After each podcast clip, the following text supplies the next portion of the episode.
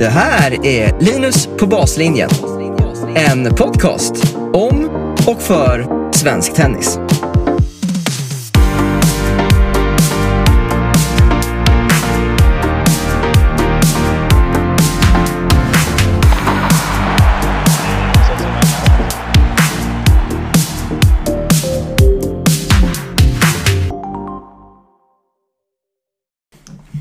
House of Batin har ju ett stort utbud av olika träningsredskap och, och, verktyg nu. Och man blir lite nyfiken Petter på vilka redskap som är storsäljarna. Ja, och det är en fråga vi faktiskt ofta får.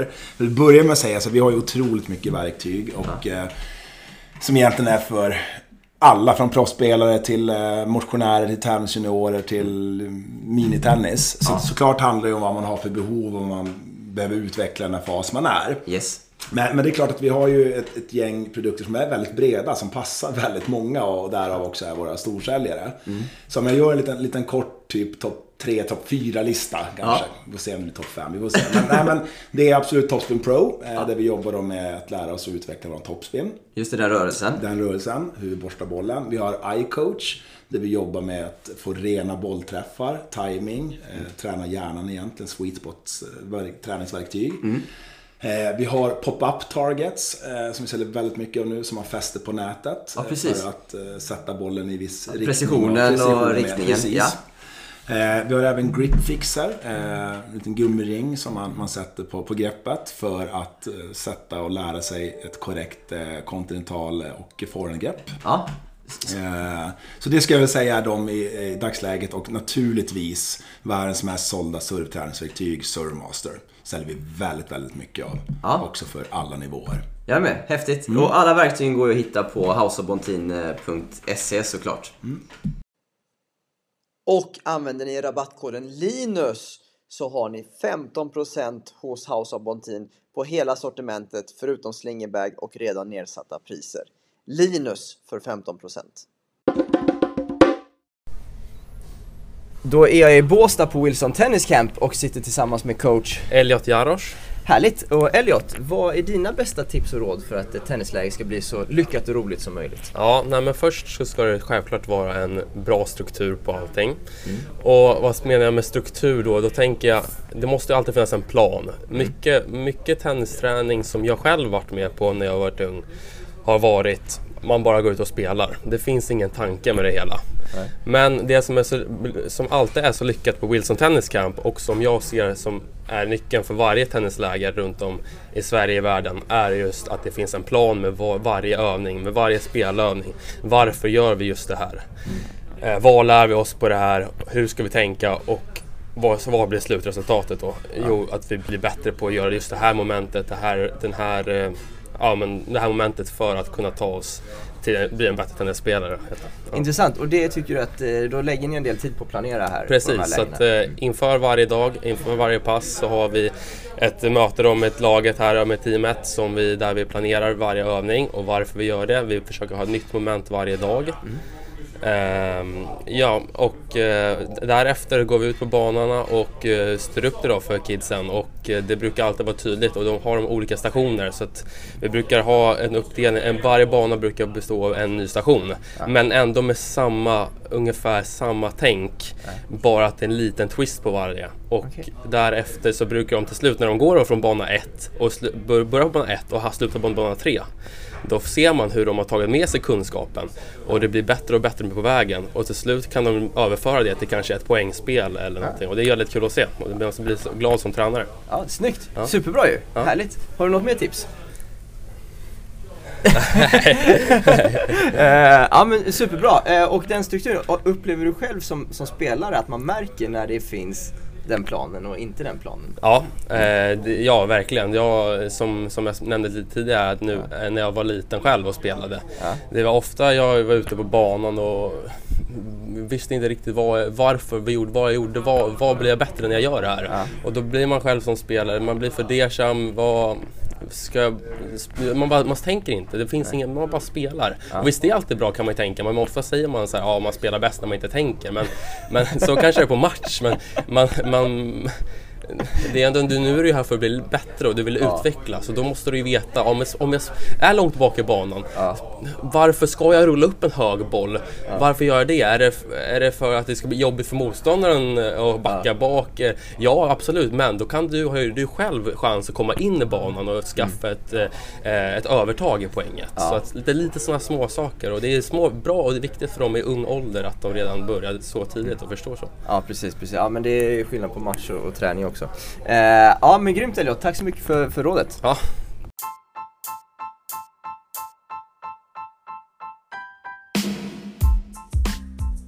Vi är här för ett nytt avsnitt av Linus på baslinjen podcast och idag tillsammans med Jonas Alvin, elittränare, kock, funktionsmedicinare och livsstilscoach. 2008 grundade Jonas Alvin Fysiolabbet och hjälper idag idrottare och människor över hela världen att optimera sin hälsa och sina prestationer. Alvin är utbildad inom funktionsmedicin, systembiologi, som är en gediget lång utbildning som pågår under flertalet år i USA.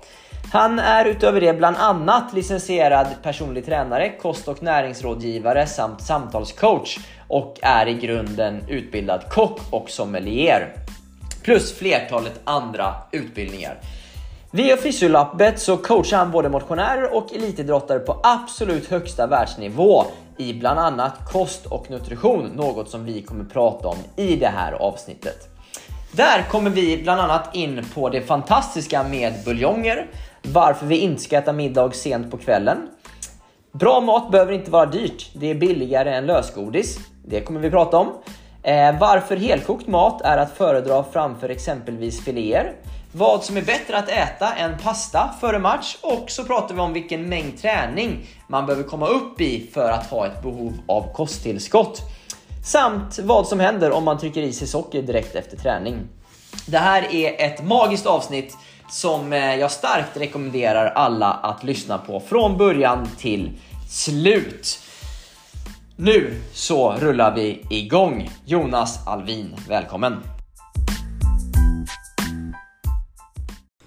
Då har jag den stora glädjen att få hälsa Jonas Alvin välkommen till podcasten. Tackar.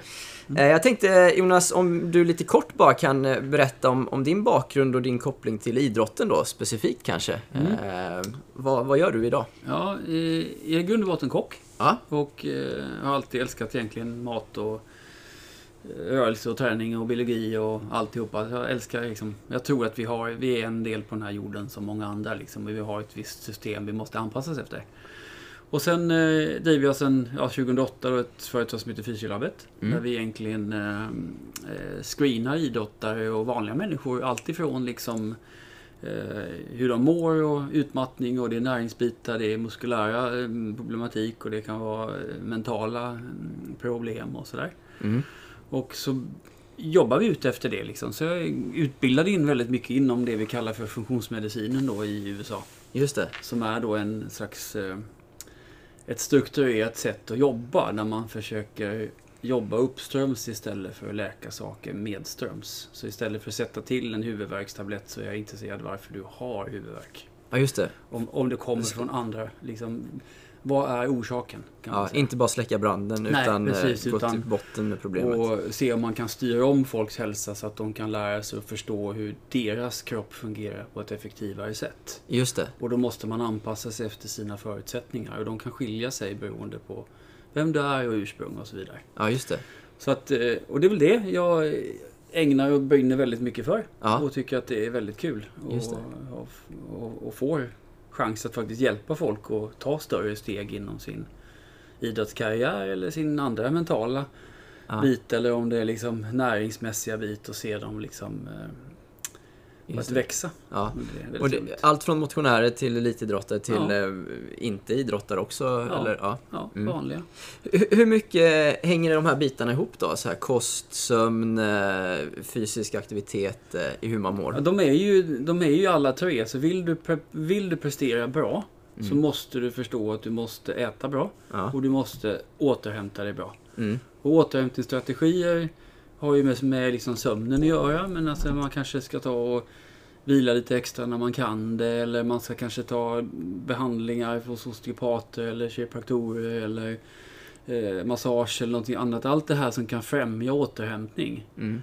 Och sen har du ju kostbiten där man måste förstå kanske lite också sitt, sitt ursprung. Vad har man för genetik? Alltså kommer man ifrån Afrika eller Nordamerika eller om man är mm, vad du, Eskimo eller Mm. um, vad du, asiat så är det faktiskt lite olika skillnader på vad de här personerna ska äta. Är det så? I, ja, i, i grund och botten inte att vi alla kanske ska äta grönsaker, fisk och kött. Men vi kanske ska äta mer av olika saker och förstå att vissa råvaror kanske vissa människor inte mår så bra av. Aha, Och, okej. så, och, och så inte. Och sen så är det ju träningsbiten där man lägger upp ja, men upplägg och sånt. Och det har ju oftast väldigt många redan via sina organisationer eller fysiska tränare. Där går jag inte alltid in och peta så mycket utan det, är- det är skönt. Men jag kan ha synpunkter på att de kanske har för lite vila eller de tränar för mycket varje dag. De har ingen, inget periodiseringstänk Okej. till exempel. Ja, Då kan ja. man gå in och titta på, på eh, de bitarna. Att våga träna mycket men smart. Okej, okej. Och inte träna bara mycket eller alldeles för... eh, Ja, man försöker hitta en bra balans och jobba på styrkorna. Att vi, jag har ju lite som motto att mäta är att veta. Och om du inte vet så kan du inte säga någonting. Nej. Och att mäta i min värld handlar inte om en prestation. Jag tror som jag nämnde till en gång att det inte så här, det har inte med prestation att göra om du har bra mätvärden eller inte. Du kan vara en jätteduktig idrottare som kommer hit och för tillfället har ganska dåliga mätvärden. Men det innebär ju inte att idrottaren är sämre. Det innebär att det är någonting i kroppen som inte liksom, eh, vad det fun- fungerar som det ska. Ja. Och då måste det bli mitt uppjobb, eller mitt jobb i att ta reda på var någonstans är problematiken. Just det. Och Om sen det- eh, rå, rå, ge råd helt enkelt Ja, hur, hur du precis. kan förbättra det här Mm. ännu mer. Mm. Och så bygger vi sådana upplägg. Vi screenar så bygger vi upplägg och så får folk hem och så får man följa det och sen komma tillbaka så testar vi igen och se vad funkar, vad funkar inte. Ja. Goods and bads. Liksom, vad är svårigheterna? Var det här bra? Var det här lätt? Och så vidare. Men, men om du har testat då och så eh, går några veckor, idrottarna ska följa dina råd då helt enkelt. Kommer tillbaka och så har det inte blivit så mycket bättre i världen. Mm. Då kan det ju bero på att idrottaren antingen inte har följt det Mm. du har sagt Mm. eller så har ju inte dina råd funkat. Så kan, Så, och då, hur vet du det? Ja, då, då får man ju se liksom, vad var det som funkar, vad var det som, som funkar inte. Är det, är det någonting jag har, jag har missat till exempel? Ja. Eller är det någonting som personen inte har, har gjort som man Då kanske får man lita borde? på dens ord liksom? Ja, eller? och, Och, så, och sen kan jag ju screena igen. Då ser jag ju ser att värdena är, är, är likadana eller sämre. Mm. Då måste man ju ta reda på vad det skulle kunna liksom be att ro på. Ja. Eh, att erfarenhetsmässigt sett så kan jag säga nog att om inte mätvärdena är bättre då har man kanske inte gjort 100% bra. Eller att det kan ju kommit sjukdomar i vägen. Ja. Skador, virusinfektioner och annat som förändrar om. Men då vet man ju i regel vad det är. ja, det. Men i, många gånger så upplever idrottaren och personen i fråga sig otroligt mycket piggare, gladare och bättre. Och så. Mm. För att man helt enkelt tankar in rätt signaler om man ska uttrycka det så. Ja, just det. Ja, jag är med. Ja, vi ska ju prata mestadels om kost idag, eh, Jonas. Eh, om vi börjar liksom i yngre åldrar med, med barn och ungdomar. Hur, Mm. hur, mycket, hur påverkas barn och ungdomar av vad man stoppar i sig?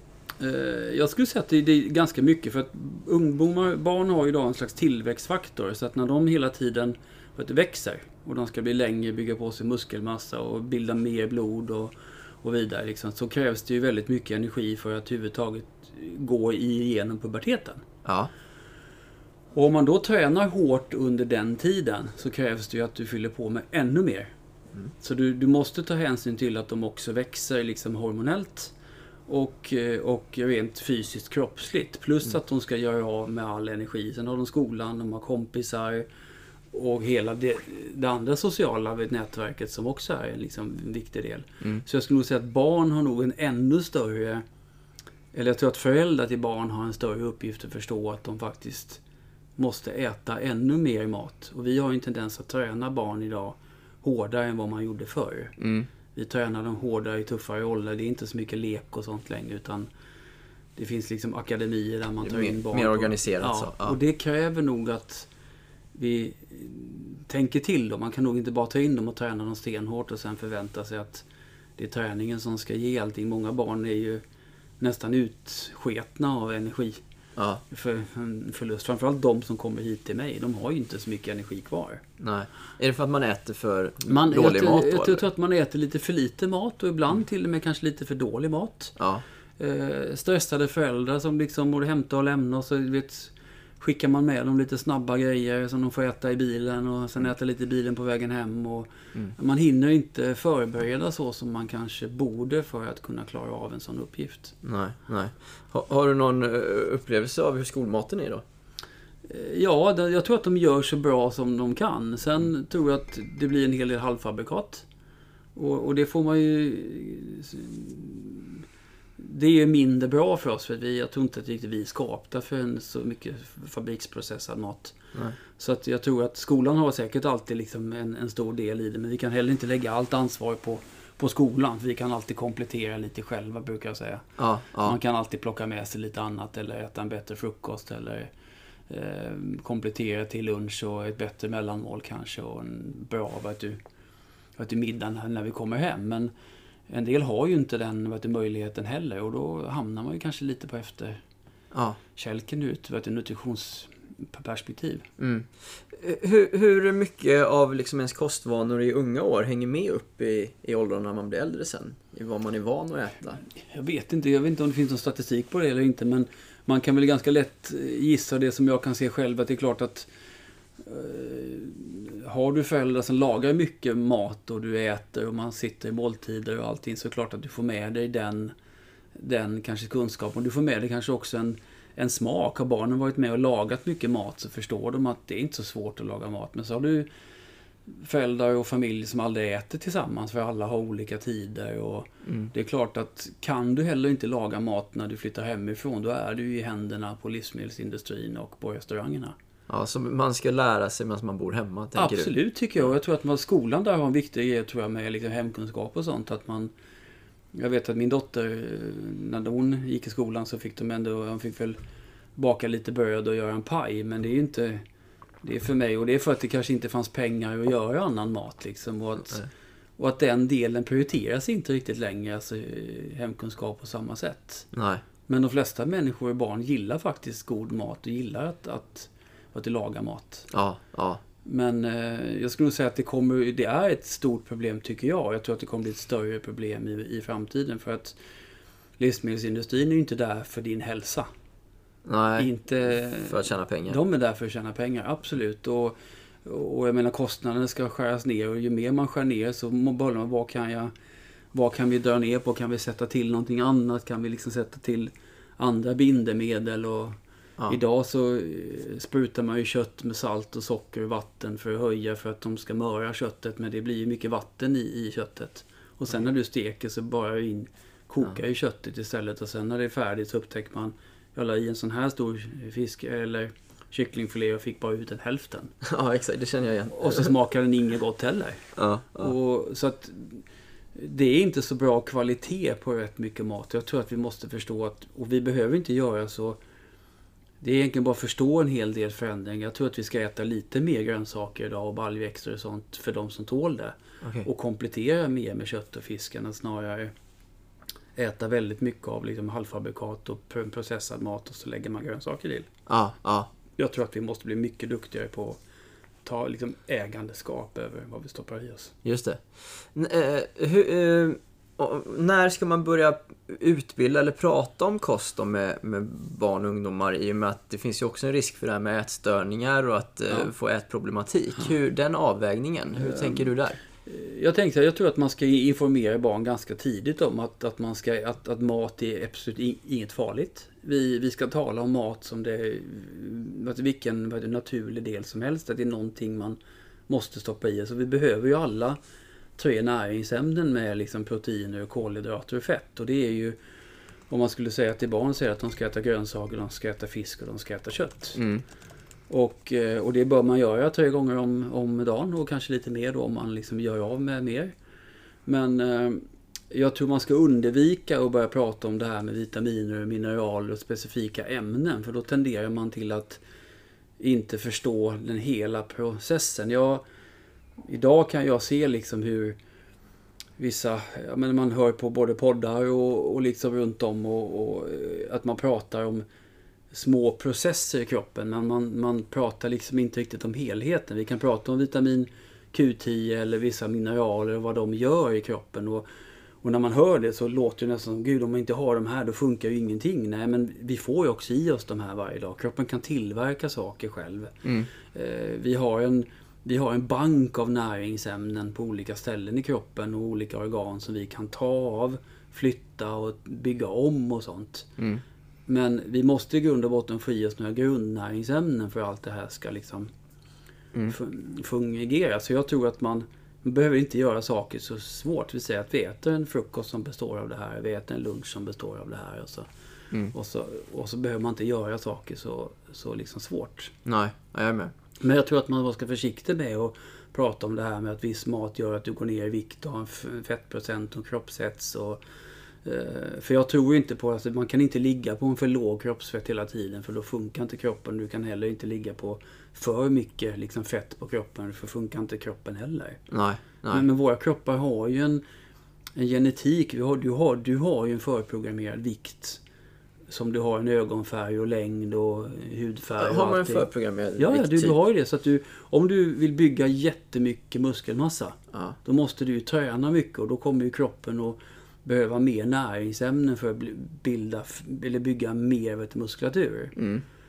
Men om du slutar med det, då kommer ju kroppen att ta tillbaka det. Så att om vill du upprätthålla den muskelmassan, då måste du ju träna och äta hela tiden och få i dig mer. För annat fall så kommer kroppen vilja gå till, tillbaka. Ja. Men den kan ju också ta från något annat för att ge till någonting. som du pushar kroppen åt ett håll. Ja. Då kan ju kroppen ta energi från några andra ställen för, Mm.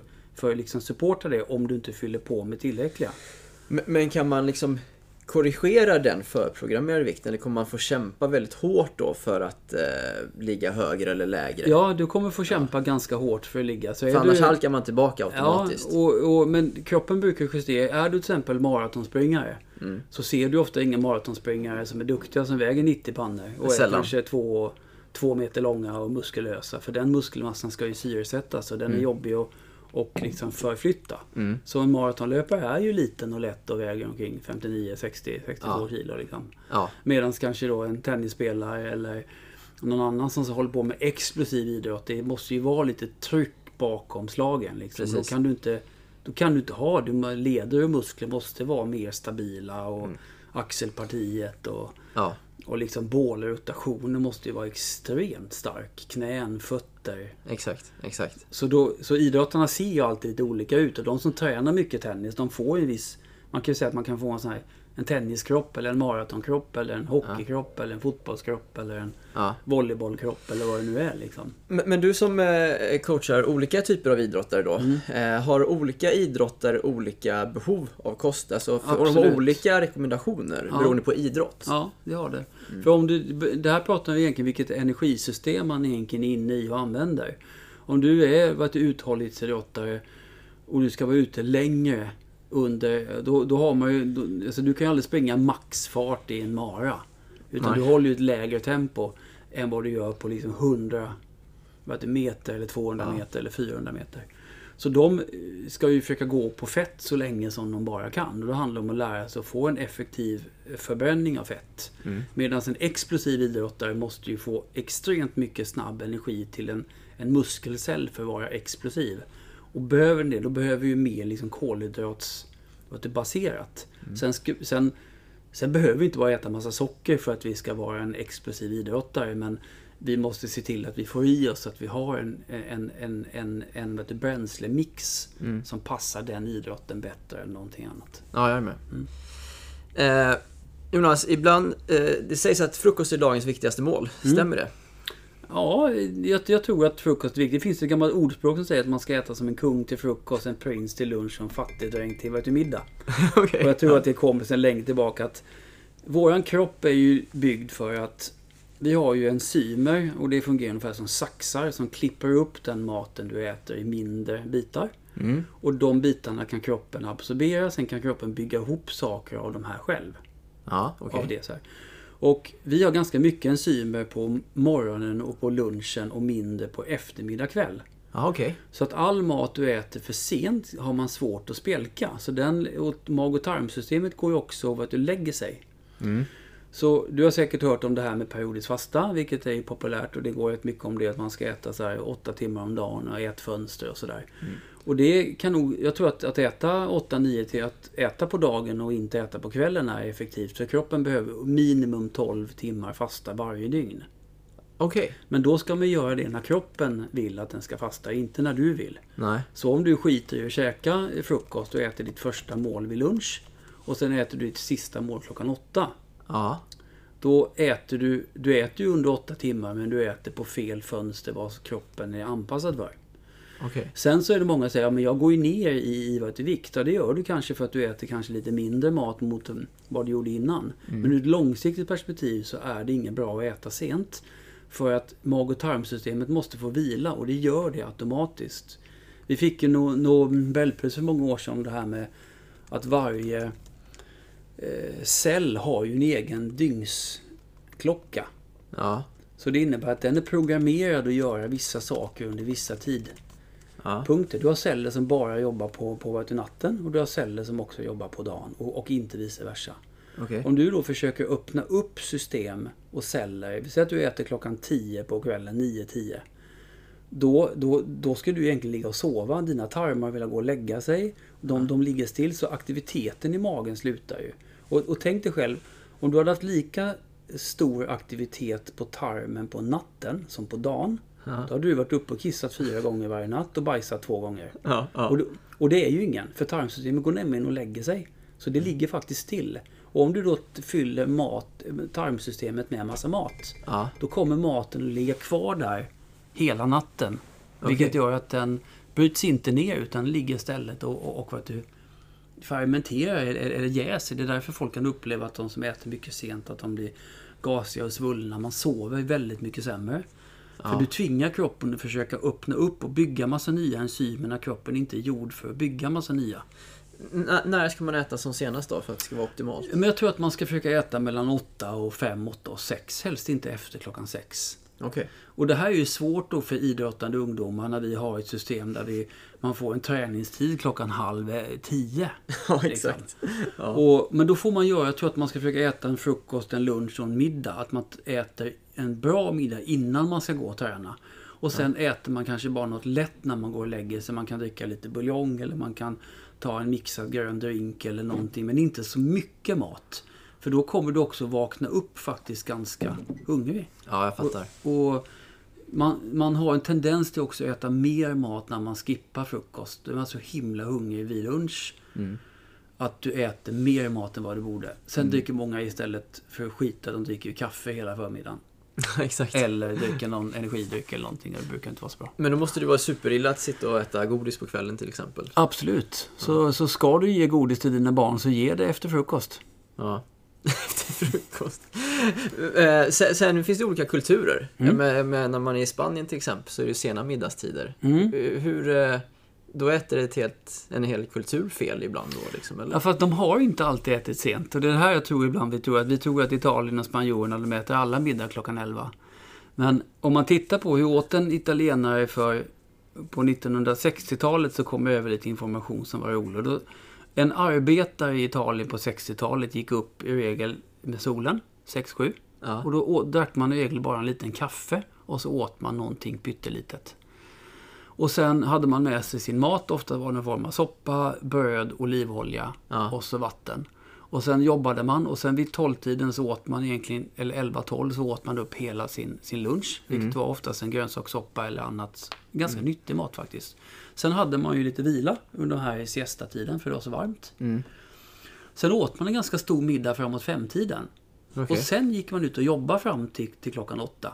Ja. Sen gick man hem och så tog man kanske en apelsin och en fikon eller några valnötter och så gick man och att du la sig. Så de åt egentligen som vi gör. Man åt en frukost som dock var lite mindre. Men en stor lunch och sen en, en, en tidig middag. Ja. Och sen jobbade man för att det var enda tiden det var okej att jobba i, i värmen. Ja. Men man åt inte en stor middag innan man gick och, och, och, och la sig. Nej. Men sö södra Europa har lika stora hälsoproblem som vi har. De har fortfarande problem med övervikt och diabetes. De har samma problem med mag och tarminfektioner och sånt för att man äter för sent. Ja, och alla människor som äter mellan 8 och 5 och inte äter så mycket senare upplever att de mår extremt mycket bättre. Alla värden på återhämtning visar bättre. Sömnen är bättre. Magen är bättre. Vad, vad kan ett litet eh, mellanmål innan man går och lägger sig vara då? Som är... Ja men alltså då kan, då kan du bättre ta, ja, men, ta vad du dricker ett glas liksom buljong istället. Då får du i dig extremt mycket näring och energi. Och det är ganska lättsmält för oss. Och så somnar man faktiskt ganska bra. Okej. Och, och en bra frukost? Vad, vad skulle du säga är en bra frukost? Jag tycker att man ska äta... Eh, tänk dig, det finns ingen specifik frukostmat. Jag menar, vi har ju någonstans... Vår matkultur har ju förändrats så mycket att vi nästan inte kommer ihåg hur den en gång var. Men tra- traditionellt sett i, över hela världen så äter man ju en varm frukost. Vi har ätit lite gröt tidigare. Vi, På 40-talet så gjorde man ju en gröt istället men ofta på någon form av buljong med kött och hela kon i och ganska mycket fett och sånt. Mm. Tills att övergå till någon slags snabbgröt med mjölk och sylt. Ja, och den är Exakt. ju ingen höjdare tycker jag. Utan jag tycker att man ska försöka äta någon form av rätt mycket grönsaker. Jag Mm. tycker att man ska äta någon form av kolhydratkälla. Det kan vara potatis och det kan vara ägg och, och sådana grejer. Och, och det kan vara en sån här mixad grön drink eller lite annat som man får i sig mer. Och så någon form av liksom buljong eller någonting annat. Alltså, Ja. Ät varm mat. Egentligen ska det bara vara proteiner, kolhydrater och fett. Så, så att om du vill äta mat till frukost, en middag, så spelar det ingen roll. För kroppen, alltså kroppen förbränner ju inte viss typ av mat på vissa tidpunkter. Det är inte Nej. så att den bara kan förbränna mackor och havregrynsgröt och mjölk och sylt på, på morgonen och sen bara fisk och grönsaker på lunch och kött på eftermiddagen. Ja, jag fattar. Så att egentligen så att, jag menar det var som jag, som jag nu före vi spelade in här så fick du en, en frukost av mig. Ja, Som är en ganska typisk frukost som jag äter. ja. Och, och, Och det är en, en grön smoothie och inte några, Precis, så det, någon annan typ. det, det var en grön mixad egentligen med inge, äpplen och, och, och så massa grönsaker och Mm. morötter och grejer. Sen fick du en sån, vet du, tortilla. Och det är ju Mm. ägg och potatis och så var det lite kryddor och örter i. Och sen fick du lite avokado och tomater och så ett glas bul, bul, bul, buljong. Ja. Om du inte är van med den här så tror jag att du kommer att uppleva att du är mätt långt fram till klockan 12 ett. Ja, det ska bli spännande att se Ja. senare. Men du är en stor förespråkare av Mm. mm. buljonger. Ja, för Mm. att det är så... Och, det har vi, det, och det, här, det här är inget nytt under solen. Det har funnits i flera tusen år, Linus. Det är bara det att vi, vi har en tendens till att glömma. Och va, varför, tror, varför kan kroppen absorbera buljongen så bra? För att om du backar 150 år sedan så fanns det inga liksom, induktionsspisar. Och så här. Vi lagade mat på vedspis. Aha, okej. Och, och långt innan det så lagade vi över öppen eld. Ja, har man lagat över öppen eld så har man haft någon form av kittel Mm. och värma. Och det fanns inga företag som styckade kycklingfiléer. utan Man, man var ju ett resultat av det man fick tag i. Mm. Mm. Och vi kokade nästan all mat. För det är inte lätt att laga mat på vedspiset. Men det är jävligt bra att ha någonting som står lite vid sidan om på värmen och kokar. Mm. Och fick man då tag i en kyckling så vet man att bena ur en hel kyckling är ganska svårt. Mm. Men om vi kokade den tillräckligt länge så benen släppte, då kunde vi lyfta ur benen. Så kunde vi äta allt, allt Ja. liksom andra. Så vi åt väldigt mycket kokt mat. Och Mm. genom, genom vår evolution så har vi tillagat maten på det sättet. Att den har varit tillverkad över öppen eld, grillad länge långsamt på svag Mm. värme. Eller så har vi kokat den eller någonting och så har vi ätit färska grönsaker ut efter säsong. Mm. Bär, rötter, frukter, örter och blad och allt vad vi har hittat. Ja, Så det är den maten våran genetik är liksom anpassad för. ja. Men sen då när vi inte riktigt äter den här maten längre utan vi friterar och steker och allting och vi förändrar den molekylära strukturen på maten. Mm. Då kan kroppens celler inte känna igen den här för din genetik har inte förändrats på flera hundratusen år. Mm. Men så mycket som maten har förändrats de sista 60 åren har den inte förändrats på 40 000 år. Alltså vi, vi får inte glömma, men vitt och ris och pasta det kom ju på 50-60-talet. Ja, okej. Och, och ifall du frågar någon idag så tror ju de att det har funnits en hel del. Men min, min farfar han sa Pasta och vitt ris det är djävulens påfund, man får bara ont i sin mage. Och det är många som får det och jag tror inte att det är fel på råvaran i sig. Men det är att vi inte riktigt skapt för den typ av maten med de här enorma koncentrationerna av stärkelse. Okej. Utan vi har ju varit ett resultat av det vi har ätit ut efter se- säsong. Ja. Och, och det, jag menar, tänk dig själv, på våren så är det ju mycket skott och bär och sen kommer det Mm. grönsaker på sommaren och sen på hösten så sitter man där med sina jäkla rotsaker och Ja. kålrot och palsternacka och morötter och potatis och, och sen var det lite fattigt på till vintern. ja, just det. Just så jag det. tror att tillagningsmetoden är att vi äter ibland också eh, det, det, det finns, får, mm, får jag göra en liten ut... Kör på. Eh, Ja. eh, svävning. Det finns två ämnen som kallas för AGE och ALE. Ja. AGE står för Advanced Glycated End Products. Okej. Och ALE står för Advanced Lipooxidated End Ja. Product. Och det är egentligen försockrade proteiner och oxiderade fetter. Och det här har med temperaturen att göra. Så att när du hettar upp mat för, för hög temperatur så binder sig de här stärkelse eller sockerarterna i maten med proteinstrukturer. Och så bildar de nya strukturer som kroppen inte har enzymer eller, eller saxar för att klippa upp. Ja. Eller som kroppen inte känner till. Och då kommer ditt e- ett immunförsvar försöka attackera de här för vi kan inte använda de här. Ja. Och när du mäter inom sjukvården någonting som heter HbA1c, det vill säga ett långtidssocker. Då mäter vi ett värde hur mycket socker du har haft i ditt blod över ett medelvärde på cirka 8-10 veckor. Och det, det ska då ligga mellan 4 och 6 så ligger man nog ganska högt där så har man haft en ganska hög sockerbelastning. Ja. Ja. Men HbA1c är ett egentligen mått på hur mycket försockrade proteiner som finns i heter ditt blod. För det är ingen som vill ha de här proteinerna. Nej. Och de här har en enastående förmåga att binda sig med kollagen. Okej. Vilket gör att de fastnar i leder och muskulatur. Ja. Det är därför folk som äter väldigt mycket upphettad friterad mat, stärkelserik mat, sockrig mat får mer problem med muskler och leder än de som inte äter det. Okej. Så Okej. att jag tror att tillagningsmetoden för att hålla de här processerna ner, det vi vet idag med AGE och ALE, att de är i alla kraftigt inflammatoriska processer i våran kropp, Ja. så har samtliga personer väldigt höga halter av de här.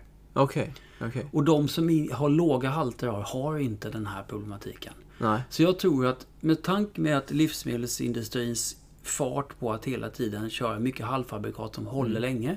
Då måste vi hetta upp dem länge, vi måste tillsätta konserveringsmedel och vi måste döda ett antal bakterier som gör att de inte jäser eller blir dåliga. Ja. Men då har vi förstört råvaran så till den milda grad att kroppen känner inte igen den längre som någon form utav en energi. Nej. Och då kommer din kropp att försöka bygga om de här strukturerna. Ja. Och bygga om strukturer kräver ju väldigt mycket energi.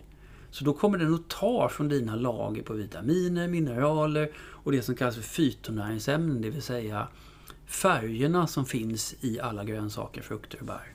Okej. Och de fungerar, det finns väldigt många olika fytonäringsämnen, men de fungerar som hjälpare eller kofaktorer för ditt ämnesomsättning kan man säga. Ja. Då kommer du förbruka mycket sånt för att ta hand om det här skräpet som kroppen inte kan hantera. Okej. Och det funkar ett tag men till slut så blir du lite låg på de här sakerna. Och det är det vi kan mäta fram. Ja. Ja. Och då kan jag säga till dig att jag ser ju fan att du äter massa dålig mat. Du äter för mycket av den här maten och den här maten. Ja. Men då säger folk, jag tycker inte det är så gott att äta soppa eller dricka buljong. Nej, fine. Men egentligen, vi är inte gjorda för den typen av maten. Och den nya maten är designad för att du ska bli beroende och tycka om den så att du inte kan sluta med den. Mm. Mm. Jag förstår. Så, så vi, vi står inför ett ganska stort problem där vi måste lära kroppen att sluta tycka om sån mat. Och det roliga är att människor som gör en stor förändring på sin hälsa, idrottare som slutar äta extremt mycket socker och går över till att äta, de får helt en helt ny smaks... De börjar känna andra smaker. Och börjar tycka att när de väl får i sig socker att det inte är lika gott på samma sätt som det var innan. Hur lång tid tar en sån förändring? Typ? 8 till 12 veckor ungefär. Nej, det måste ta mer. Nej, det tar 8 till 12 veckor att bli av med ett litet beroende sådär. Jaha. Och sen, men jag brukar säga, och när folk frågar mig hur lång tid tar det att förändra en kropp? Ja. Då tar det ett år ungefär. Och det är för att cellerna har en egen takt där de byter ut sig. Ja. Så du kan inte påskynda den processen. Ja. Eh, vad du, levern består av ett antal celler som byter ut ungefär var femte månad. Okej. Så har man problem med sin lever, den är förfettad eller liksom li- full med lite toxiska ämnen eller annat. Eller att den levern arbetar på ett sätt som gör att den hela tiden är överansträngd. Mm. Då kommer det ta fem månader innan den är okej. Okej. Så många brukar säga att man mår ganska bra efter ett antal veckor när man gör en förändring. Men efter fem månader så brukar folk känna Fan, nu känner jag mig jävligt mycket piggare. Och det är för att levern har faktiskt gått och blivit... Levern och dina njurar och matsmältsystemet. Det är dina viktigaste organ. Utan dem så går allt käpprätt åt helvete. Men om man ska göra en förändring, måste man vara 100% strikt? Eller liksom, kan man en dag i veckan fu- fubba lite? Eller hur, Mm. hur extremt noggrann måste man vara för att kroppen ska genomgå det här? Jag, jag, jag, jag, kan ju vända på frågan och ställa ett. Hur, hur, hur, hur bra vill du må? Ja, men om jag vill må väldigt bra då? Ja, då får man nog vara ganska dedikerad. Okej. Vill man inte riktigt må, må så bra, eller, eller faktiskt ha fuskat några gånger i vet, i veckan. Ja. Det är klart att du kommer må bättre om du går från en skräpkost till att börja äta lite bättre och fuska ibland. Men om du säger att du har en idrottare som vill hålla länge över tid. Mm. Då, då måste den personen vara mer dedikerad än många andra. Och det där kan jag se jättetydligt på idrottare som är mer dedikerade och idrottare som är mindre dedikerade. De som är mindre dedikerade har en tendens till att vara lite mer förslitningsskador. Liten tendens till att skylla lite mer saker på andra. Det är inte mitt fel. Mm. Utan det är liksom alltid lite annans problematik. De är ofta mer sjuka på grund av att de faktiskt inte tar hand om sig. Och då skyller man gärna på sjukdomen. Men så finns det människor som nästan aldrig är sjuka. För att man supportar, man förstår att ditt immunförsvar kräver en viss typ av mat. Alla vitaminer och mineraler och sånt vi har i kroppen är mer eller mindre involverade i alla processer. Det finns ingenting Linus i kroppen som är viktigare än någonting annat. Ja, Jag förstår. Zink är inte viktigare än järn. Kolhydrater är inte viktigare än vad det är proteiner.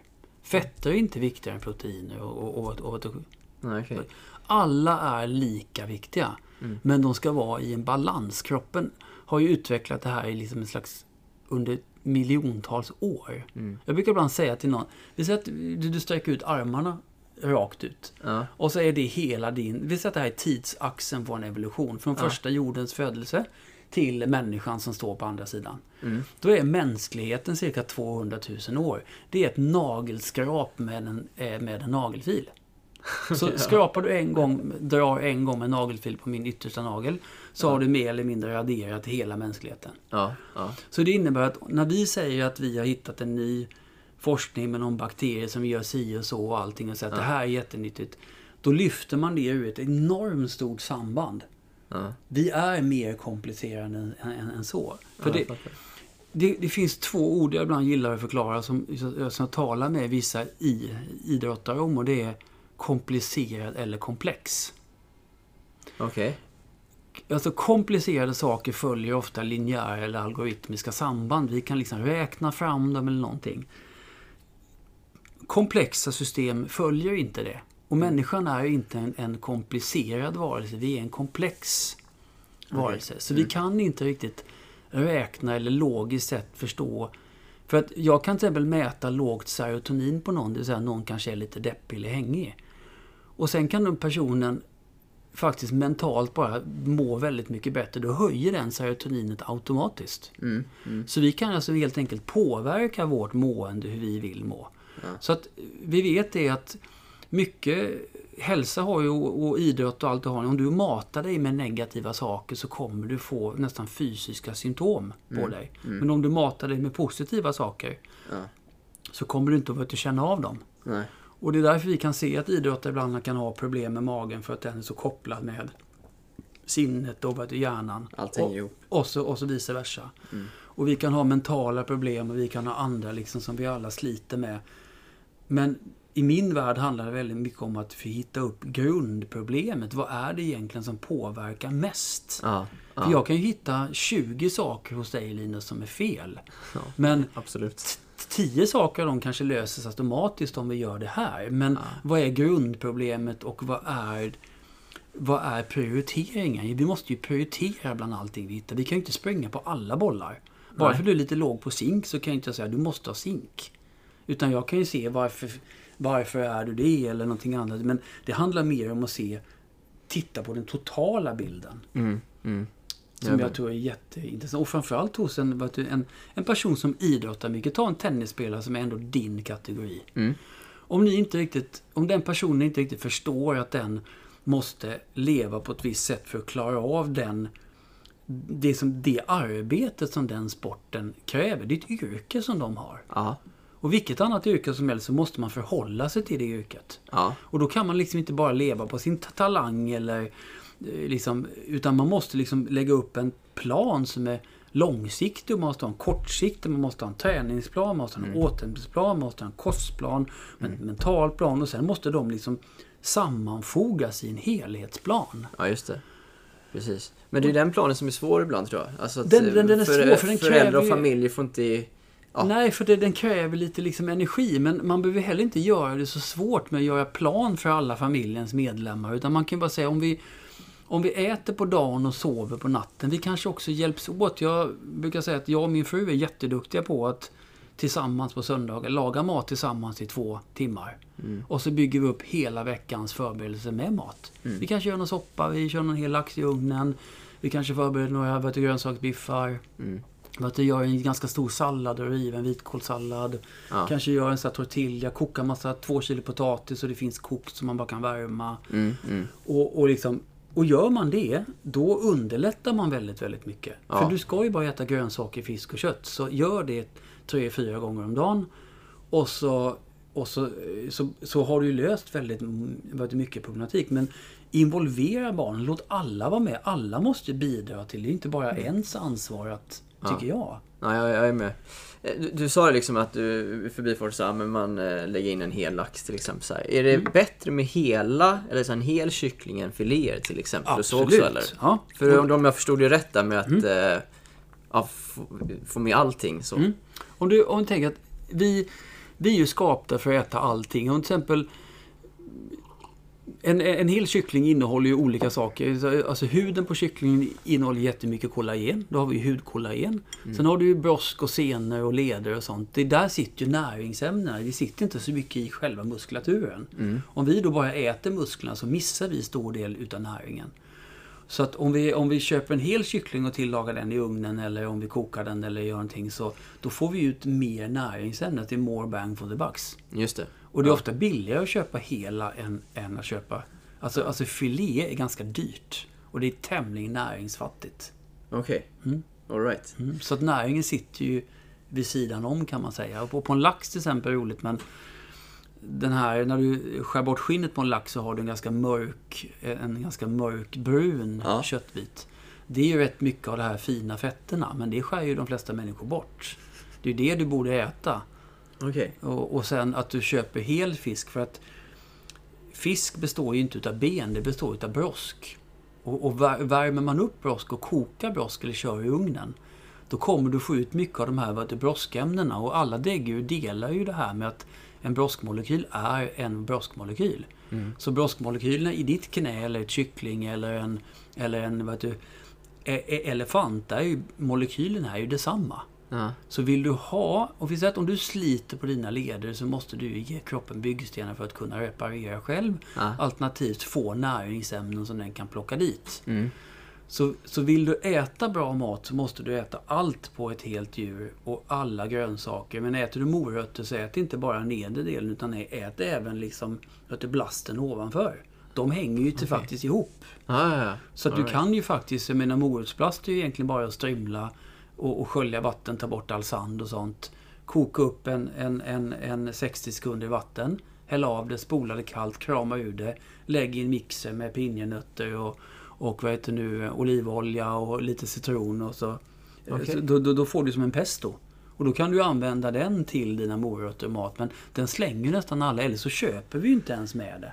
Det handlar ju mycket om kunskap. Det handlar om kunskap och den här, den här har vi ju tappat och jag blir ju egentligen, ibland blir jag väldigt ledsen när jag ser att hur liksom vi bara tappar den här fina kunskapen och sen så förstår vi inte varför kroppen inte mår bra. Men vems ansvar är det att lära ut det då? Är det i skolan eller? Eller är det... Ja, Det, det, det är väl egentligen allas ansvar kan jag tycka. Det är väl skolan men det är också vi föräldrar tror jag. Jag kan ju tycka att om man nu sätter barn till världen då måste man nog också lära dem eh, allting. Alltså det, är, ett, det är ett stort jobb men jag tror att då och, och samhället har ju en, en stor del i att också inte tillåta för mycket saker som är skadligt för oss. Vi vet ju det, men det finns en lobbyverksamhet kring det här. Jag menar sockerbolagen, det är ju roligt, men vet när socker kom i slutet på 1800-talet Ja. så började vi tillverka, alltså industriframställa socker. Innan, innan dess så fanns det ju inte socker. Okej. Socker var ju det vi kunde få i honung eller bär och frukter. Ja, ja.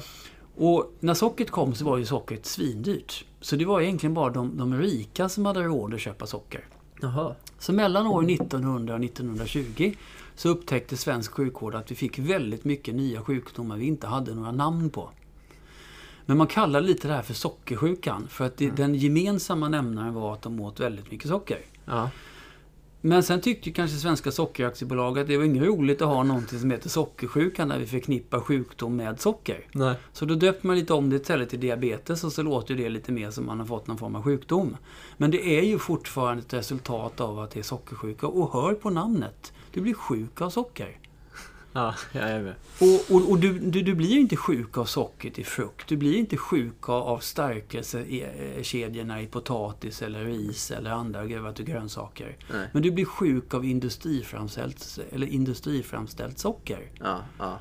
Såna här high corn fructose syrup, kemiska sockerarter som, som används i alla vet du, mm, vet du, sockerfria läsker som inte är sockerfria. Nej. De är nej. fria från, från det som heter sackaros, absolut, men de är inte fria från andra sockerarter. Och, Okej. de, och de påverkar din ämnesomsättning så till en milda grad att inte ens folk förstår det. Nej. Så att, Jag är med. ja. Eh, du, du, jag har ju hört att du i en, i en annan intervju så, så har du sagt att mat behöver inte vara dyrt. Det är billigare än lösgodis. Ja, det Eh, utveckla det lite. Ja men alltså du kan säga att när du tittar på vad egentligen dålig mat kostar i, i, i du kilopris så kan det vara ganska dyrt. Det kan kosta upp mot en 100-150 kronor kilot. Ja. Eh, Det vill säga 15 kronor hektot eller någonting och då låter det ju inte lika mycket som 150 kronor kilot. Men vi, alltså grönsaker i säsong kan vara ganska billigt. Vi har ju linser, vi har ju bönor, vi har liksom ris och vi har liksom andra hela korn som vi kan använda och koka och blanda med grönsaker och blanda med köttfärs eller annat kött när vi inte får det. Mm. Så bra mat är faktiskt inte dyrt. Och det var lite intressant här under Tyckte jag att man under covid där så tittar man lite så här när folk... Vi, vi, vi har ju en tendens till att äta mer skitmat när vi mår lite sämre. Mm, Eh? det känner jag igen. Och så köper man hem och sådär. Och det visar sig att det man kallar för överskottsmat, det vill säga mat man äter som vi inte har behov av, hade ökat. Det vill säga konsumtionen av godis och chips och, och liksom lite sämre mat hade ökat när folk var lite uttråkade och satt hemma. Men det, och, och så sen tycker vi att maten har blivit dyr. Då, då får jag inte riktigt det att gå ihop. För att om vi äter... Det är klart att maten har blivit dyrare men vi, vi köper ju inte, vi köper mycket skitmat också som vi inte har ett behov av. Som inte vår kropp ens är anpassad för. Men, grönsaker är ju lite dyrt. Jo, men också, det, det, det, det, det, är klart att priserna har ju stigit på vet du, gr- grönsaker kött och fisk. Medan vissa halvfabrikat också har stigit i pris eller, blir, eller, eller ligger kvar i pris. Ja. Och så står vi där och så säger att "Åh, vi måste äta sämre mat. Ja. Men vi, vi har ju faktiskt också ett val att faktiskt kunna äta. Många människor kanske mår bra av att ibland äta lite mindre mat också. Då vi äter ju ett stora mängder mat i, i, i vårt land. Mm. Vi har ju en medelvikt som sakta säkert går uppåt. Mm. Och, och, det, och det har ju inte bara med att vi inte sitter still och inte vet, rör på oss. Utan det har ju också med att vi faktiskt äter mer energi än vad vi klarar av med. Och vi äter energi som kroppen inte kan använda. Som kroppen måste bygga om som till fett. Ja, ja, ja. Så att ja, nej, bra mat behöver inte vara dyr om man förstår lite att man behöver väl inte äta 300 gram kött. Man kanske kan äta 50 gram kött och blanda det med lite grönsaker och linser och annat. Mm, För att spä ut det och då får du också mer näringsämnen. Ja, ja jag är med. Eh, om man...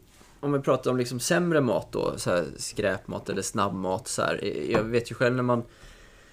När jag spelade tennis till exempel, jag var iväg med på någon tävling när jag var yngre och så Mm. efter matchen så åt man McDonalds på vägen hem för att det skulle gå snabbt och så vidare. Hur, hur, hur, hur farligt är det då, liksom att äta det någon gång ibland eller Ja, men så? alltså, alltså man säger, någon gång ibland kommer det inte att stjälpa din hälsa eller kanske Nej. din prestation. Men om, man, om det blir en regelbundhet så är det så att om du har tränat eller kört en match eller fysiskt använt din kropp väldigt hårt. Mm. Då har ju du det man kallar, du bryter ju ner din kropp.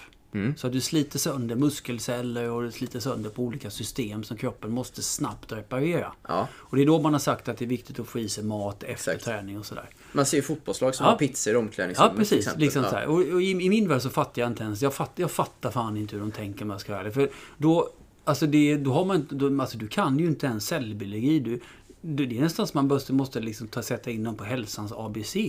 Okej. För, att Ja. om, för att grejen är att om du ska fylla på med bra mat efter träning så måste du ge kroppen byggstenar för att kunna reparera det som är skadat. Mm. Och, och vad som jag sa till du, du är inte uppbyggd utav chips och pizza. Liksom. Du är uppbyggd av andra proteinstrukturer och fibrer och, och sockerarter och fetter Mm. som tillsammans bildar strukturer i kroppen.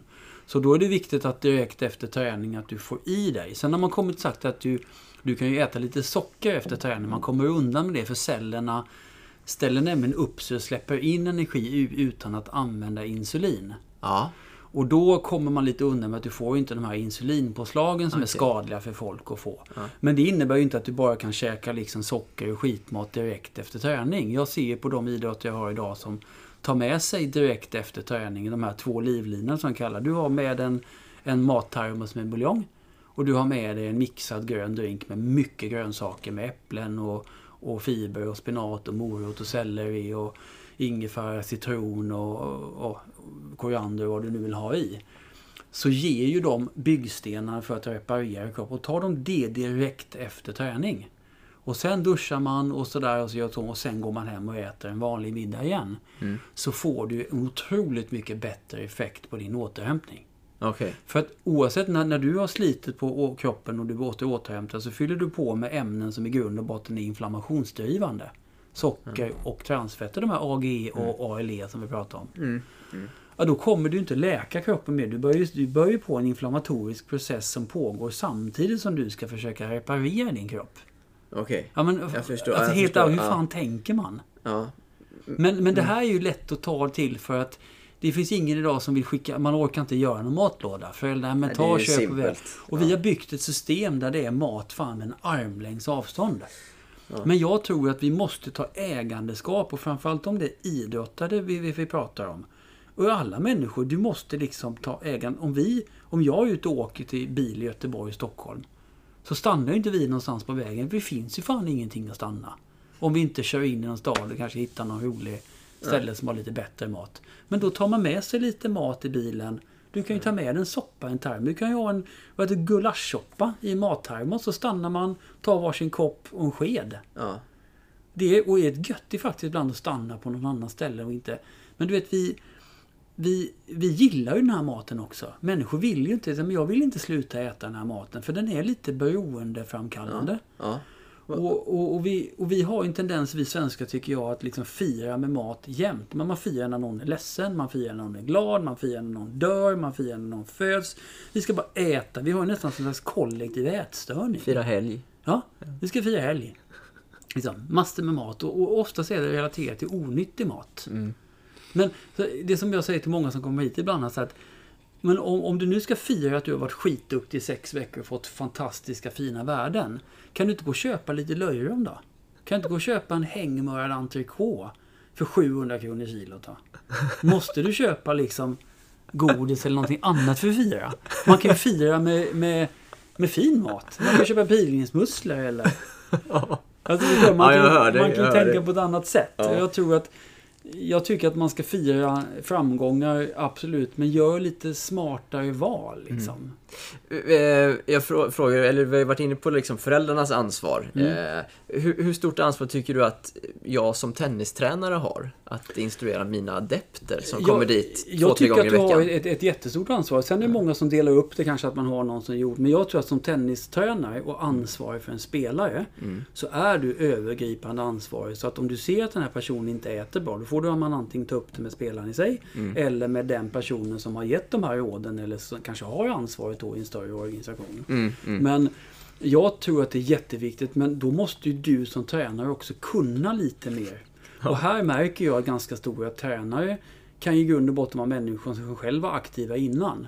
Som säger att "Ja, men jag funkar jättebra på den här maten. Och så har man inte den kunskapen. Man kanske inte vill lära sig den kunskapen för den är inte lika rolig som det man håller på med. Men det är ju det som är poängen med en tränare. Om du blir tränare så måste du vara duktigare än dem. Du måste ha mer kunskap. Ja. Du måste lära dig mer om kost. Du måste lära dig om återhämtning. Mm. Du måste lära dig om träning och, och kunskap om träning. För den utvecklas ju lite hela tiden. Ja, Även ja. om mycket är inte nytt liksom under solen. Men, men så är det ju. Jag tror att en tränare har ett jättestort ansvar. Och, och det är det som är tufft med att vara tränare. Det innebär att man måste faktiskt lära om och lära massa nytt. Mm. Och det tror jag inte många är så villiga att göra.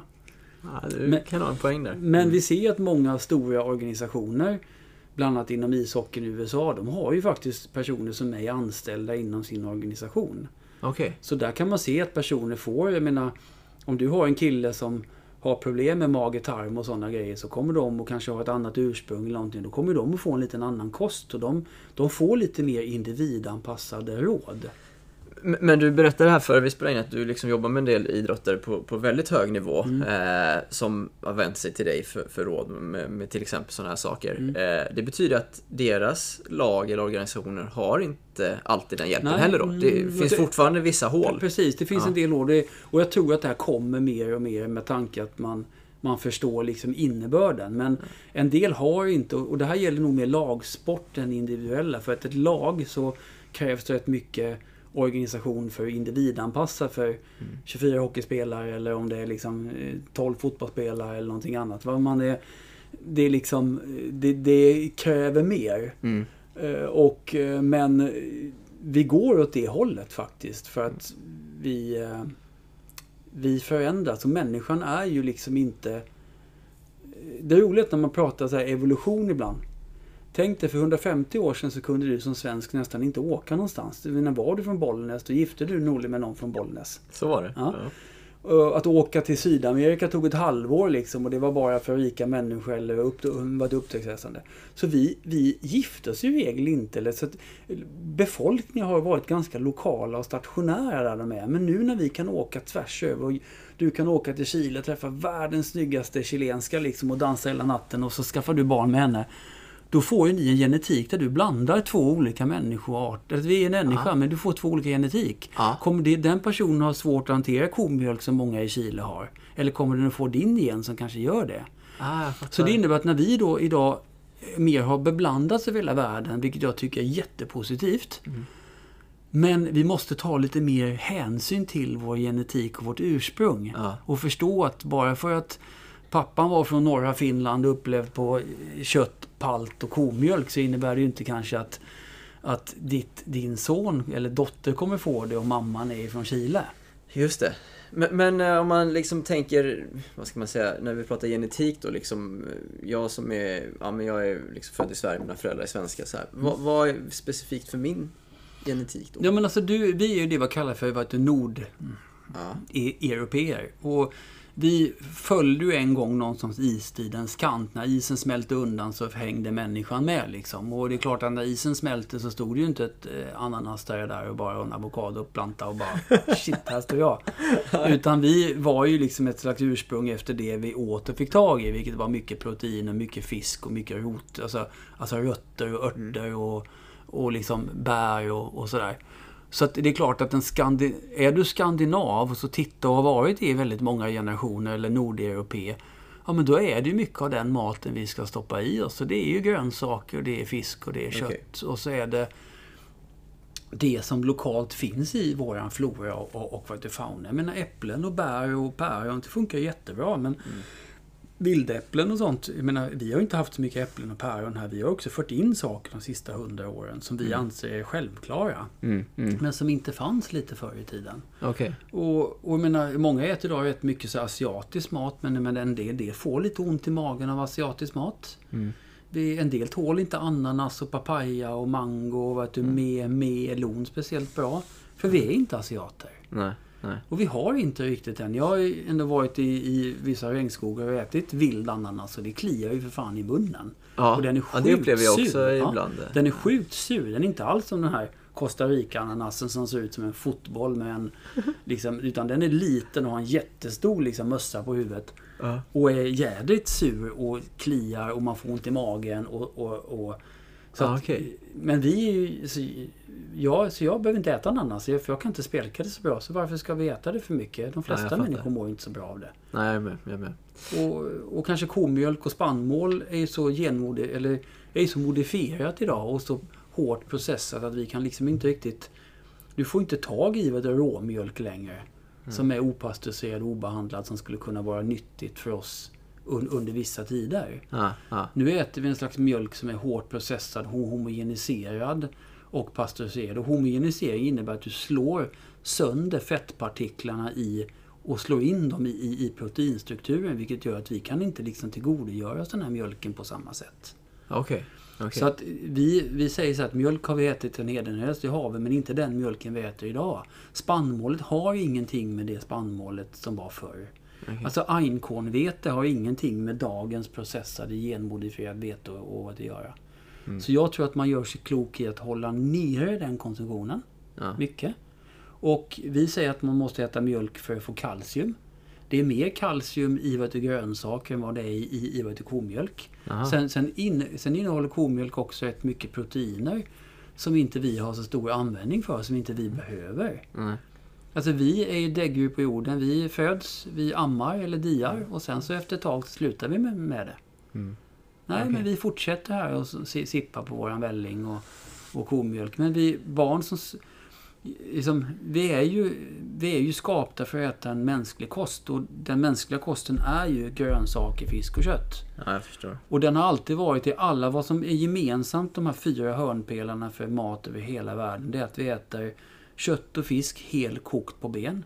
Oavsett om du är japan eller om du är, är, är, är svensk så äter vi kanske röding här hel, medan de äter någon hel fisk i någon soppa eller någonting annat. Ja, Men man tillagar det på samma sätt. Ja. Sen äter vi kött på ben som vi kokar tills det släpper. Vi äter färska grönsaker. Vi äter fermenterad mat. Det vill säga surkål och sånt vi kan fermentera och jäsa. Som innebär att biotillgängligheten på den råvaran blir bättre för människan. Så vi kan ta upp mer näring. Det har vi lärt oss genom evolutionen. Att vi gjorde så här och så vart det gott och så mådde vi bra på det. Så gjorde vi så. Mm, mm. Och, så, och och sen har, har, har vi då ätit för groddad mat. Så vi kunde ju under vinterhalvåret spara lite bönor från sommaren och så lägga det i vatten och så börja grodda det. Och sen fick vi en grodd och så när det började bli groddad så kunde vi äta det för då var det en massa vitaminer och mineraler i. För det fanns ju i kärnan. Ja. Så vi lärde oss att förädla på egen hand. Och den maten är våra gener fortfarande skapt för. Men, men ingen ville göra sån här mat längre. Och då, tänker jag, då får ni må som ni mår. Men kommer våra gener förändras om inte vi går tillbaka? Ja, men det kommer säkert att ta en ganska lång tid. Alltså genetik ändras ju inte så här snabbt. Men vi, vi har ju de här epigenetiska förändringarna som sker som gör att våra gener kan ju förändra sig. Ja. Och vi kommer säkert kunna lära oss hantera annan mat och må okej på det också. Ja. Men så fort som maten förändras och vi processar den så hänger liksom inte generna med. Det är poängen. Men förstår. mänskligheten kommer säkert dö ut så småningom i alla fall. Och så kommer det väl några andra som tar över eller någonting. Ja. Men det är väl ett antal miljoner Ett tag dit. dit, förhoppningsvis. Eh, Men så, så vi kan käka bra mat fram, Fram tills till dess. Du, något av det första man, man hör ofta när man liksom eh, ska spela match eller så, det är att man ska äta, man ska äta pasta för Mm. Ja. en prestation. Mm. Stämmer det? Nej, men du ska käka, du ska nog fylla på med kolhydrater och salter. Då skulle Mm. jag nog välja att jag äter potatis istället. För pasta är ju egentligen bara mjöl och vatten. Och Ja. i ibland ägg. Men det är ju ganska död mat. Det finns ju liksom inga näringsämnen kvar där i. Mm. Men potatis innehåller lika mycket stärkelse. Men det får också med det ämnen som kalium och vissa salter och C-vitamin till exempel. Okej. Så att eh, vi ska absolut käka kolhydrater för en prestation. Men jag tror att det är viktigare att du fyller på med kolhydrater och salter och vätska dagen innan.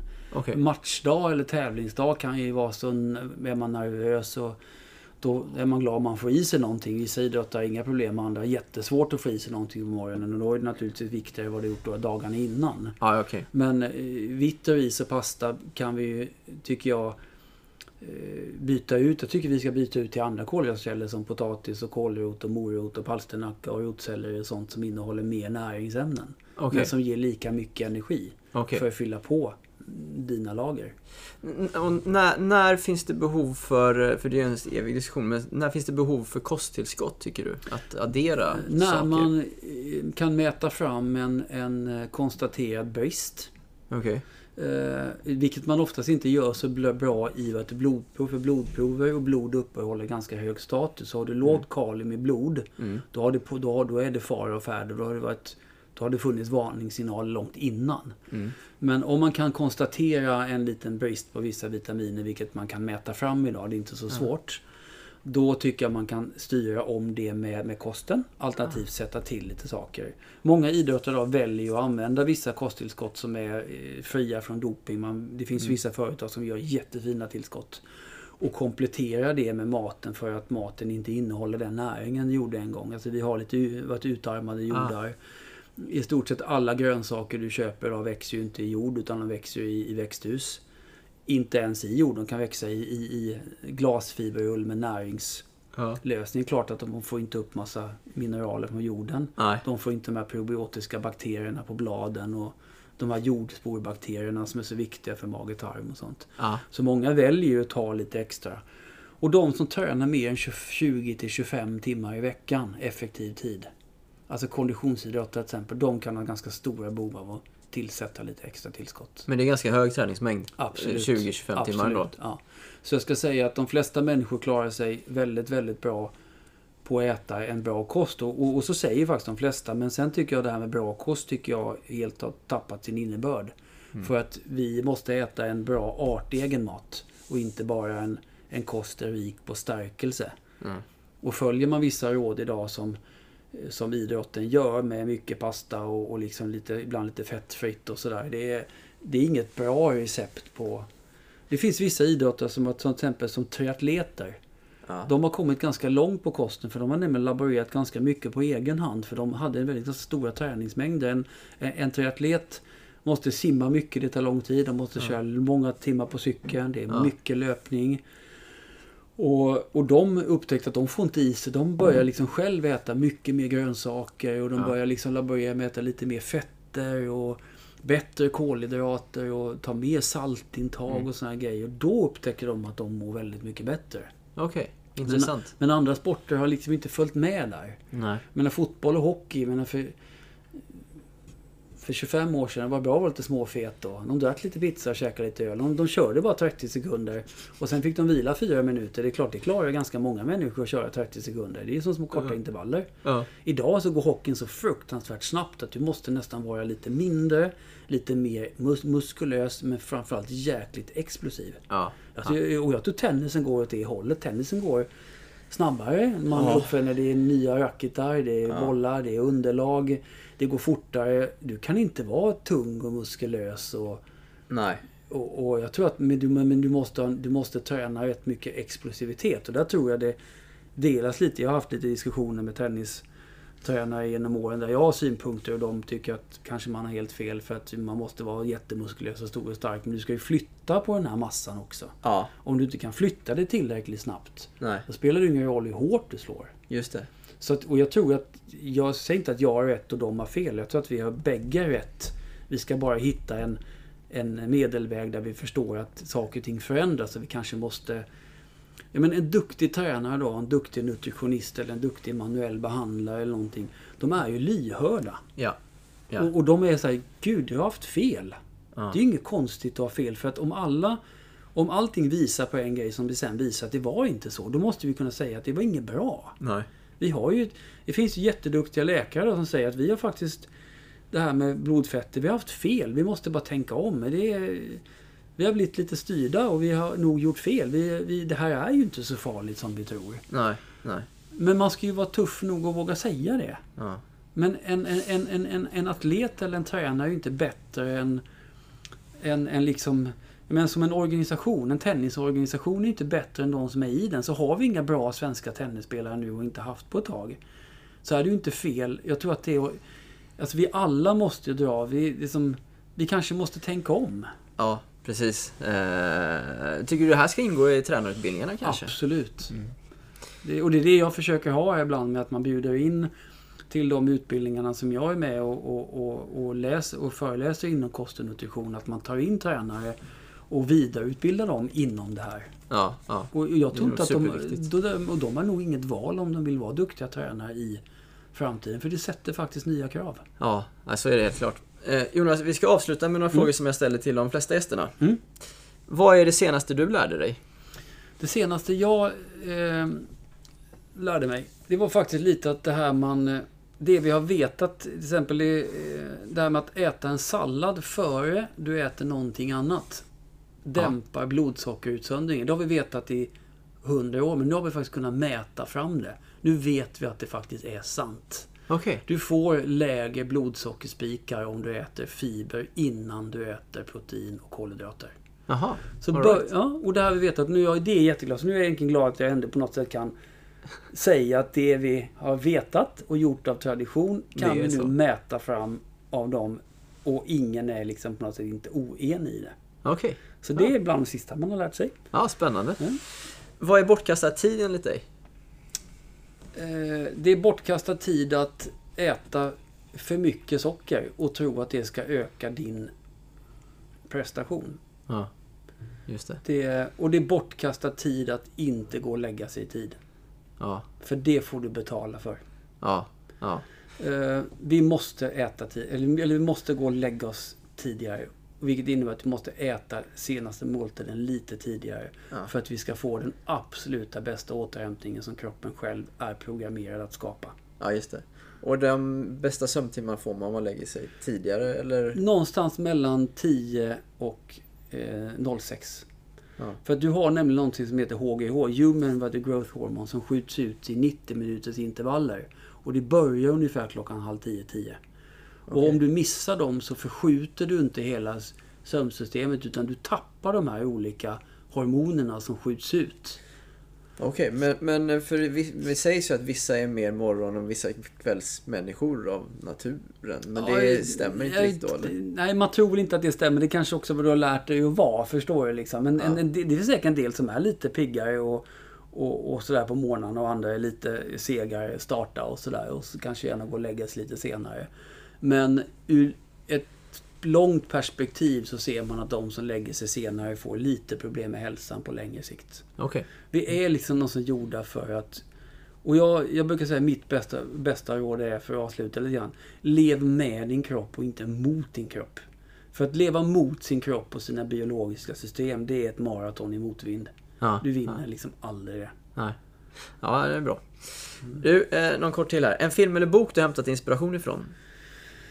En eh, jättebra bok som jag tycker alla borde läsa. Det är en eh, bok som heter Why Your Genes Need Traditional Food av Catherine Shanahan. Okej. Den behandlar egentligen människan mer ur ett ursprungsperspektiv.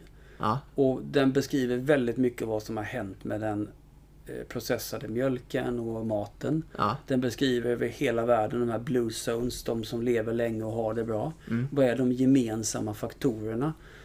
Eh, De är jättebra. För tänk en, en, en i elitidrottare är en vanlig människa som är duktig på en specifik sak men de har samma behov som alla andra har. Ja. De måste bli omtyckta, de måste tillhöra en, en, en, en community eller vad heter det, ett, ett samhälle, Samman- där man, ja. sammanhang där man känner att man mår bra och så vidare. Mm. Och eh, en jättebra bok som jag Okej. tycker alla borde...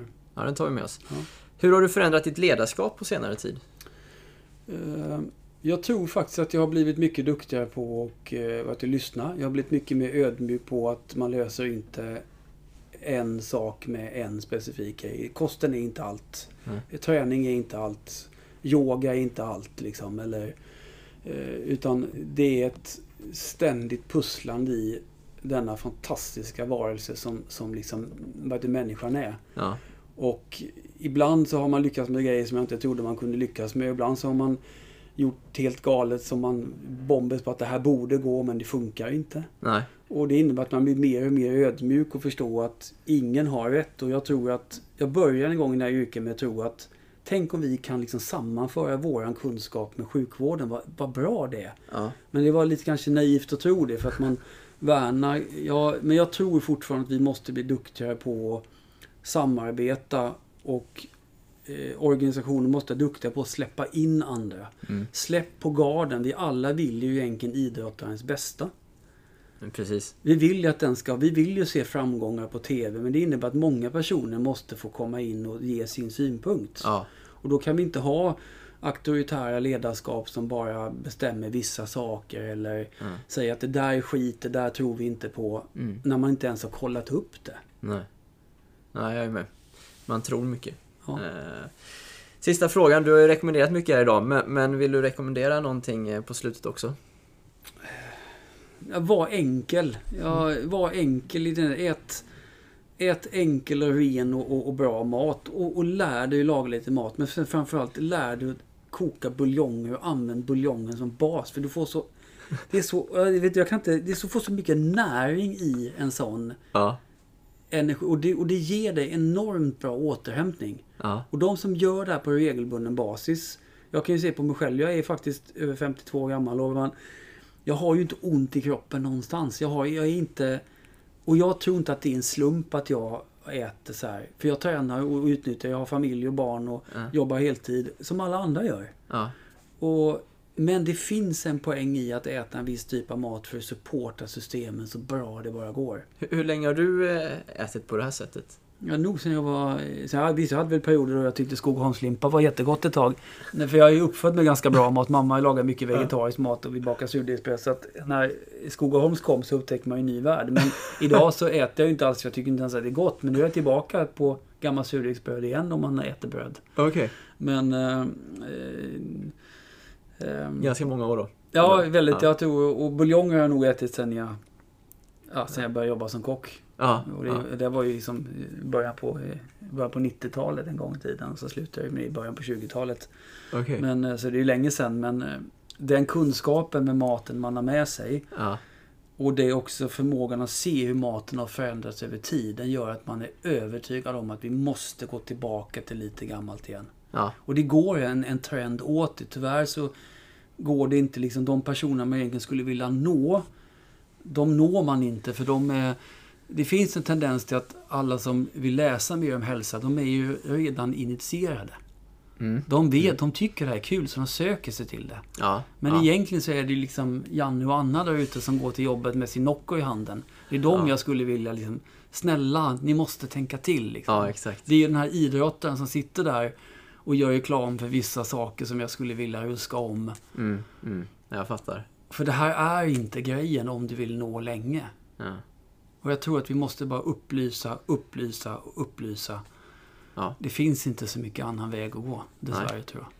Och då är det fantastiskt att du vill vara med idag. Ja, och eh, berätta om. Ja. dina erfarenheter. Tack så mycket Jonas. Tackar.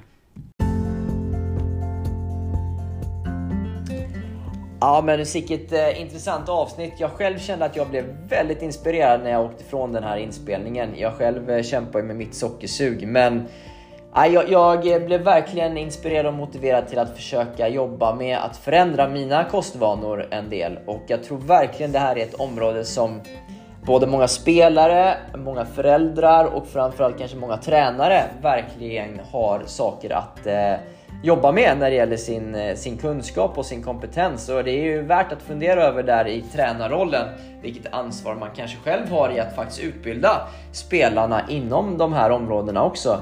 Eh, man, eh, ja, kosten är ju precis som sömnen till exempel så otroligt viktig för ens prestation. Eh, så ja, man kämpar med, med träningstimmar och på banan och, och tränar teknik, taktik och så vidare. Men om man verkligen äter skit sen så ja, då kämpar man ju uppförsbacke. Så är det ju. Så äh, ett grymt avsnitt. Eh, så, så tack så mycket Jonas för att du ställde upp och var med och, eh, och eh, samtalade kring det här. Jag vill också passa på att tacka min partner Majorcamp som är en av anledningarna till att det här avsnittet kunde vara möjligt. Gå in på majorcamp.com för att läsa mer om de skräddarsydda träningsresorna och träningslägren som arrangeras på Mallorca. Om till exempel din klubb vill göra ett fräscht träningsläger i, under grusupptakten nästa år så gå in och redan nu skräddarsy det så att det passar er. Vill ni stötta den här podden som privatpersoner så tar jag starkt emot eller jag tar varmt emot alla bidrag, både stora och små. Ni hittar eh, vart ni kan göra det i avsnittsbeskrivningen. Tack för uppmärksamheten idag och på återhörande.